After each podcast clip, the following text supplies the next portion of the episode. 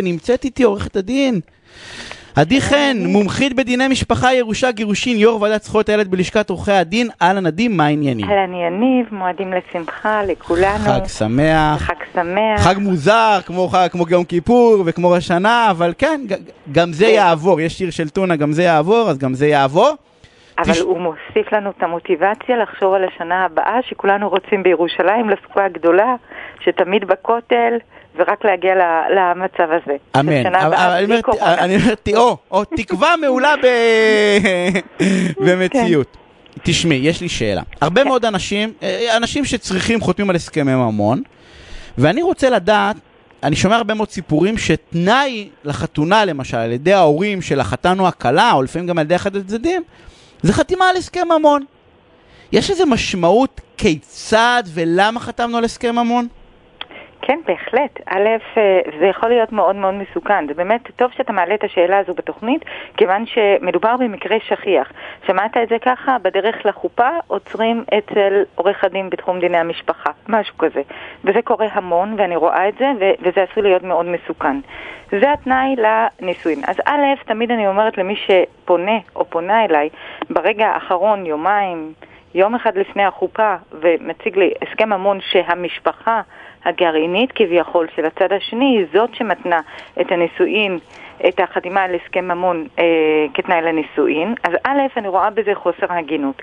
כי מי שרוצה להיות הגון, אין לי שום בעיה, זה הכי הכי לגיטימי לשמור על הרכוש המשפחתי באמצעות הסכם. הכי לגיטימי לשמור על הכספים של כספים שהם כספי המשפחה, לא כספים משותפים. וגם לגבי כספים משותפים אפשר לעשות הסדרים. אבל החוסר הגינות הזה, תבוא ותדבר על זה לפני. זמן לפני, לא כשלרוב נשים הן אה, בכלל חושבות על השמלה הלבנה ועל כל הטקס, ו... וזה קורה אגב גם עם גברים שיש להם קשר עם נשים אה, מאוד עשירות. אבל- אבל הש- זה אבל- יכול אבל אני להיות לא- מאוד מסוכן גם. אבל, אני אבל מה. עושים, עדין, מה עושים? נניח, אני, בא- אני לא מתחתן הרי עם המשפחה, אני כן כאילו, אבל אני מתחתן עם אה, אשתי לעתיד, אז, אז ובאה אני, המשפחה שלה, שנניח הם, סליחה על הביטוי, חארות, אז מה, אז לא להתחתן? אז אני, לא, אז אני, אז אני אומרת איך אני אה, מנסה לפתור את הבעיה. א', צריך להבין שמדובר במצב מאוד מסוכן. כי אם אתה חותם היום על הסכם ממון כזה, אוקיי, שמגן אך ורק על צד אחד, זה אומר א', קודם כל, הסכם כזה, אל תחתמו עליו. אבל צריך לחשוב, עוד 20 שנה, ההסכם הזה הוא לא טוב כש, כשאחד הצדדים, יש לו כבר ילדים, השקיע במשפחה, נתן את כל כולו לבית, ופתאום הוא יוצא בלי כלום, עם ידיים על הראש, הוא לא, הוא לא באמת חשב על כל הדברים.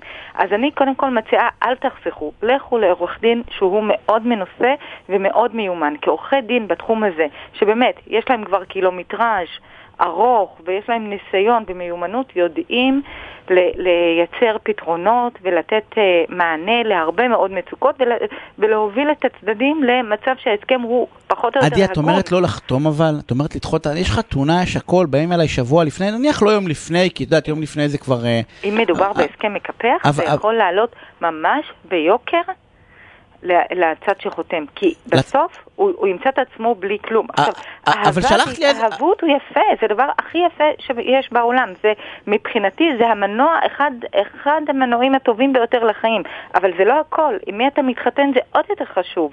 אה, עם איזה בן אדם אני מתחתנת? אם הוא הגון, לא הגון, אם הוא מוכן ל- לתת לי משהו, לדאוג לי לשעת, לשעת הצורך. אם- אבל, אבל זה נכון, אבל זה נכון באופן כללי לגבי הסכמי ממון. כאילו, מה הכוונה? גם אם לצורך העניין נותנים את הסכם ממון שלושה חודשים לפני, לא משנה מה. נכון. אני בא ואומר, ההגינות היא, היא גורפת, כאילו, זה חייב להיות ה... יודע, בא ואומר, יש בו היבט. משהו- משהו הגון כלפי הצדדים. ותבין, אי אפשר אחר כך, הסיכוי מאוד מאוד אפסי לבטל הסכם ממון. הסכם ממון, אפשר לבטל אותו כיוון שצריך לאשר אותו, כן? אפשר לבטל אותו רק של, במקרה של עושק, של כפייה, שאחד הצדדים היה נתון בטיפול פסיכיאטרי, אבל עמוק, של, של דיכאון מז'ורי מאוד מאוד אה, משמעותי, שלא אפשר לו לפעול אה, כמו שצריך. אז זה, זה מאוד קשה, הסיכויים לבטל הסכמי ממון כמעט אפסיים. אבל, אבל היה איזה פסק דין ששלחת לי, נכון? כן. לדעתי שראיתי שכן ביטלו הסכם ממון אחרי כל כך הרבה שנים. זה תלוי, זה, אז אני אומרת, סיכויים מאוד מאוד קטנים, למה להגיע לזה? אבל מה לעשות? את מבינה, את, את, את ממליצה לא להתחתן? אני שואל ברצינות. אני- לא, ממש לא, ממש לא. הגיעה אפשר אלייך מישהי, אה, הגיעה המלצה אלייך. מישהי, אה, הגיעה אלייך מישהי אה, אה, שבוע לפני חתונה, מראה לך הסכם ממון שעורך דין של המשפחה אה, אה, הראה לך, את יודעת מה, היא מגיעה אפילו עם בן הזוג שלה, והוא בא ואומר לה, תקשיבי, זה מה שהמשפחה שלי מתעקשת, היא מתעקשת. זה הרכוש שלהם, זה שלהם, אני את שלי, מה ששלי, שלי נותן לה, אין בעיה, אבל הרכוש לא, לא מוכנים לצורך העניין שכל מה שאני אקבל כאילו מהמשפחה י- י- ייכנס, משהו נניח חד צדדי. אז, אז, אז מה את אומרת? את אומרת להם תדחו? זה אפילו חוסר, אני אומרת ללקוחה שלי, זה אפילו חוסר הגינות מצידה לבקש משהו שהוא לא, לא קשור אליה, או משהו שהוא לא קשור לחיים המשותפים. עכשיו צריך להבין, החוק עצמו מגן על נכסים שיש ל, ל, לכל אחד מהצדדים לפני הנישואין, אבל יש תחום אפור ועל זה צריך להגן, על זה בדיוק. זה, הנכסים, אם יש לך דירה, או שיש לך, אתה עובד בתוך עסק, או יש לך עסק משלך, ובין במודע ובין בלא מודע, בתקופת הנישואין אתה אה, אה, נותן, לה, אה, מאפשר לבן הזוג שלך להיות שותף בהם, או שנותן לו זיקה לפעול בהם, אוקיי?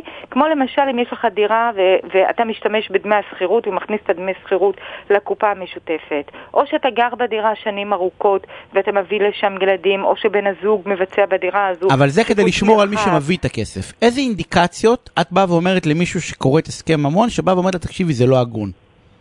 כן, כאילו מה, לה, לא, מה, מה, אני בא ואומר, נניח מישהי עכשיו יושבת, קוראת הסכם ממון, אני מסליחה שאני עושה את זה גברים ונשים, זה הפוך, כן, אבל סתם לצורך הדיון. זה מיש- לשני הצדדים. כן, מישהי יושבת או מישהו יושב, לא משנה, וקוראים את ההסכם, ומה מה לא הגון? אני לא מה לא- לה מה- מה על- זה בעצם לא הגון? על מה? אז אני אומרת לה שמבחינתי היא יכולה לוותר. א', מה שקשור לצדדי ג', אני תמיד ממ- ממליצה, אל תיגעו. תעבדי קשה, תפתחי את עצמך, תרוויחי את בזכות עצמך, זה יהיה נהדר, אוקיי?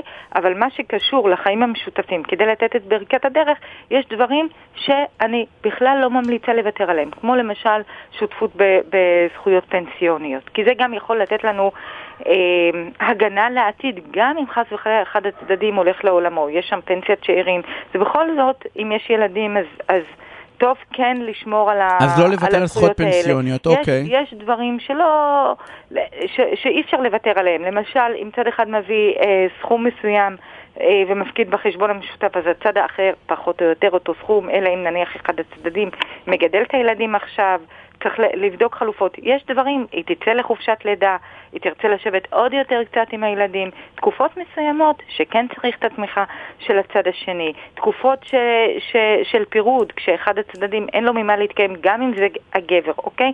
צריך איזושהי תמיכה. יש דברים שאי אפשר לוותר עליהם, ואז שהיא ילדה גדולה, שהיא, שהיא ת- שהיא, אה, בדרך כלל זה היא, שהיא באמת תבין על מה היא מוותרת. אם היא מוכנה לקחת את הסיכון, כן, אבל את יודעת מה הבעיה בדבר הזה? שבדיוק דיברתי עם מישהו שביום ההתאהבות, אנחנו כאילו, את יודעת, זה סם. אנחנו כאילו מוכנים לוותר, כי אנחנו בטוחים שבן הזוג שלנו ישמור עלינו, ואת כל החרטא, סליחה שאני אומר את זה, לזוגות הצעירים, אבל כאילו את כל מה שההתאהבות עושה לנו, וכאילו, וזה נגמר בסוף, ואז כאילו, את יודעת, גם אם היא מבינה, היא לא באמת, היא לא באמת מבינה, כאילו, ב...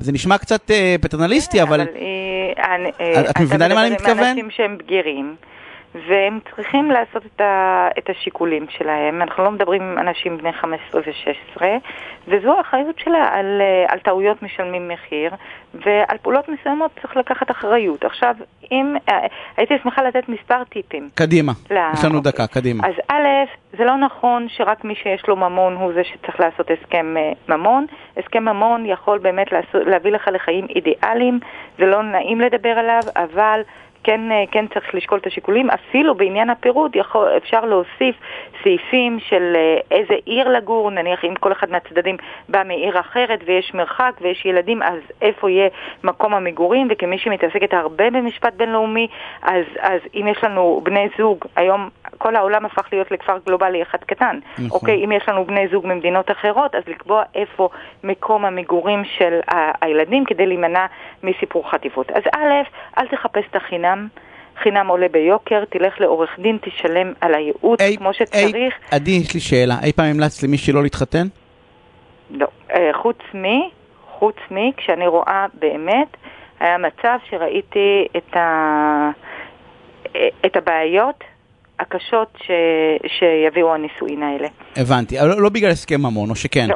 לא, לא בגלל. לא. ותדעי לך, אנחנו צריכים לסיים, אבל אני אגיד את זה, לגמרי... אני אגיד את זה, כי אני לא נותן ייעוץ בהסכם המון הזה, נהדר, אני יכול להגיד את זה. כשמישהו בא אליכם ואומר לכם שבוע לפני החתונה, אם לא תחתום, אז אנחנו נבטל את החתונה, תהפכו את הנטל.